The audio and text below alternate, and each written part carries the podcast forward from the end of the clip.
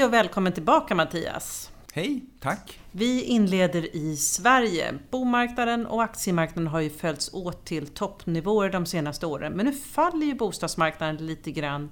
Ska man se det som en indikation på att börsen är på väg neråt? Nej, det tror jag inte man ska göra.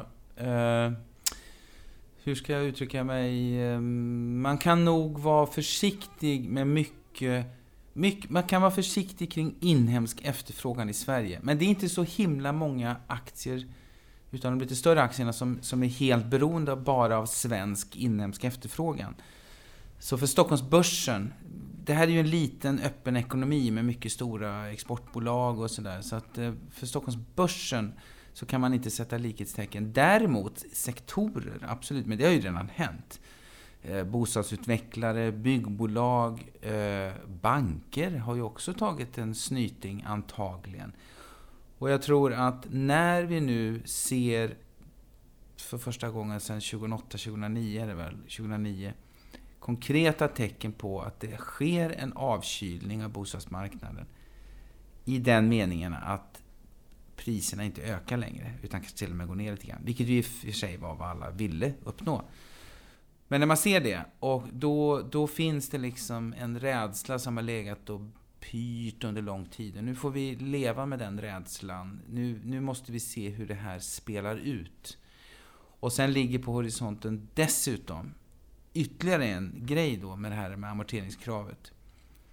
Eh, så att det, är, det, det är för mycket osäkerhet. Riskpremien kommer att gå upp på det som är relaterat som, som är i närheten av det. Och då återigen, byggbolag, bostadsutvecklare och bankerna. Men i förlängningen... Rätt eller fel så kommer man höja riskpremien. Och det är ganska, förlåt mig, men det är ganska uppenbart att det är det som händer till exempel på bankerna också. Att man, det, det finns en oro kring, kring det här nu.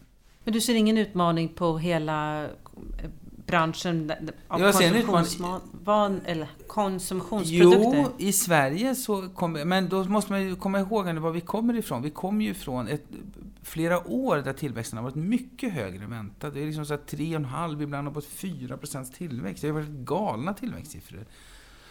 Och så har vi haft jättestora prishöjningar och jättestark kredittillväxt. Alla har ju sagt att det här är osunt. Så nu kanske vi glider...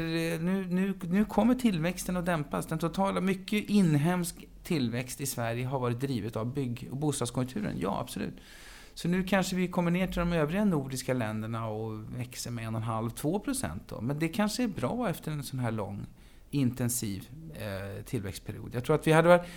Det, det är ungefär som vi brukar prata om Kina, vilket skulle vara värst? Att kredittillväxten accelererar eller sjunker? Jag har frågat Kina-människor det och de, ja, ja, jag vet inte. För båda är liksom jag menar, om, om vi hade fortsatt med full fart här nu, hade det varit bra? Jag är inte säker på det. Jag tror att det hade ökat oron ännu mer. Det här är ju vad vi har eftersträvat. Vi tittar på kvartalsrapporterna, för mm. vi sågs lite innan och nu har ju många bolag rapporterat. Mm. Var det några överraskningar? Eh, ja, för alla... För, det var det ju per definition då kan man säga. För att eh, för Europa och för USA, när vi tittade på det senaste här nu, så var det i snitt så att bolagen hade överraskat positivt. För Norden så låg det runt nollan faktiskt. Så i den meningen var det ingen överraskning i Norden på aggregatet. Men sen vet vi att under, under där så har det funnits... Verkstad har ju eh, levererat jättefina rapporter. Mycket cykliskt har levererat jättefina rapporter. Så det är väl egentligen det som sticker ut positivt tror jag. Så det är de sektorerna som du ser lite spännande inför det sista kvartalet nu? Ja, eh, och det är de sektorerna som vi har varit överviktade, om du kommer ihåg, sedan början på september. Och de är spännande därför att där finns det ett, ett, ett momentum. Eh, och det ska man ha också i det konjunkturläget vi är. Eh, där det är fortsatt stark tillväxt, bra global tillväxt, alla regioner växer. Då ska vi ha ett momentum i vinstcykeln i de här bolagen, att, att analytiker höjer sina estimat. Och det är, det är det de gör också på många av de här bolagen. Och om du vill vara lite vaksam kring någons sektor, är det någonting som du vill dela med dig av? Eh, ja, vi har redan nämnt då det här. Eh, nu har ju byggbolag då till exempel, eller bostadsutvecklare, de har ju gått jättedåligt redan. Men jag tror att riskpremien kommer att vara oförändrat fortsatt hög på dem. Eh, och sen i förlängningen så finns det ju andra eh, bolag, eh, allting som rör detaljhandel och som är väldigt svenska och har fokus och tyngdpunkt på Sverige. Eh, byggvaruhus, men även övrig detaljhandel. Allt det där ska man nog vara lite försiktig med. Eh, men det är ju ganska små bolag och små aktier, men, men, men de ska man nog vara försiktig med i kölvattnet på det där. Och sen är det lite frågetecken på bankerna. Eh, och som sagt det behöver inte vara att det är rätt, men, men riskpremien på bank kommer nog att vara fortsatt hög. En intressant grej som har skett på marknaden, det är ju att avkastningskurvan, som vi säger, har flackat ut. Eh, alltså att eh, skillnaden mellan långa och korta räntor har minskat. Det brukar vara... Det är inte bra. Banker lever lite grann på att ha en marginal som drivs av att man har en skillnad mellan långa och korta räntor. Eh, så en flack avkastningskurva är en dålig signal för banker. Och banker har gått dåligt. Och kommer nog fortsätta gå relativt svagt tror jag. Och då flyttar vi fokus mm. över Atlanten och tittar på USA. Det har varit riktigt börsfest där det senaste året. Hur ser du på amerikanska aktier? Dyrt. Dyra. Mm.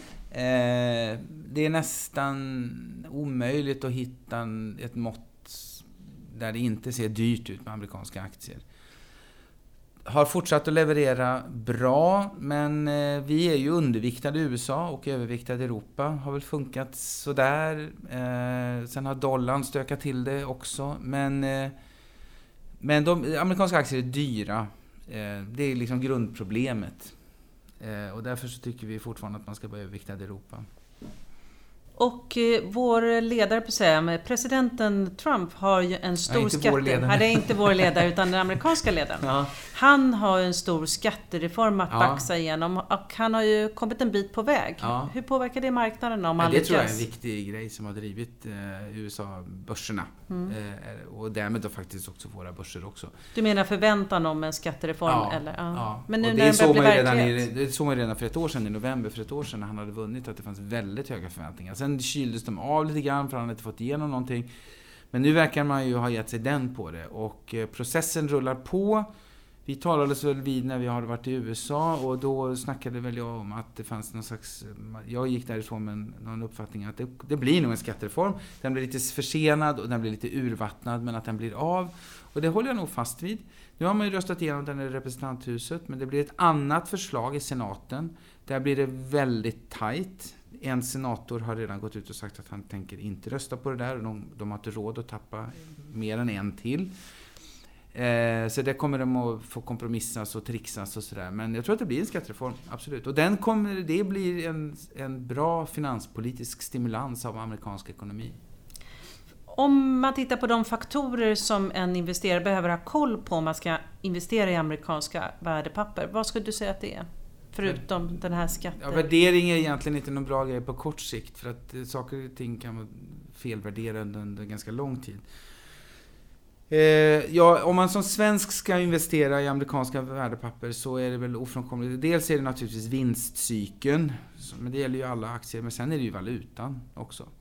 Och ett skäl, eh, alltså när vi var negativa, underviktade i USA i början på september, så var vi det av, ett, ett av skälen till det var att vi trodde att den amerikanska dollarn skulle studsa upp igen och bli starkare. Och då brukar amerikanska aktier gå sämre. Eh, nu har den gjort det.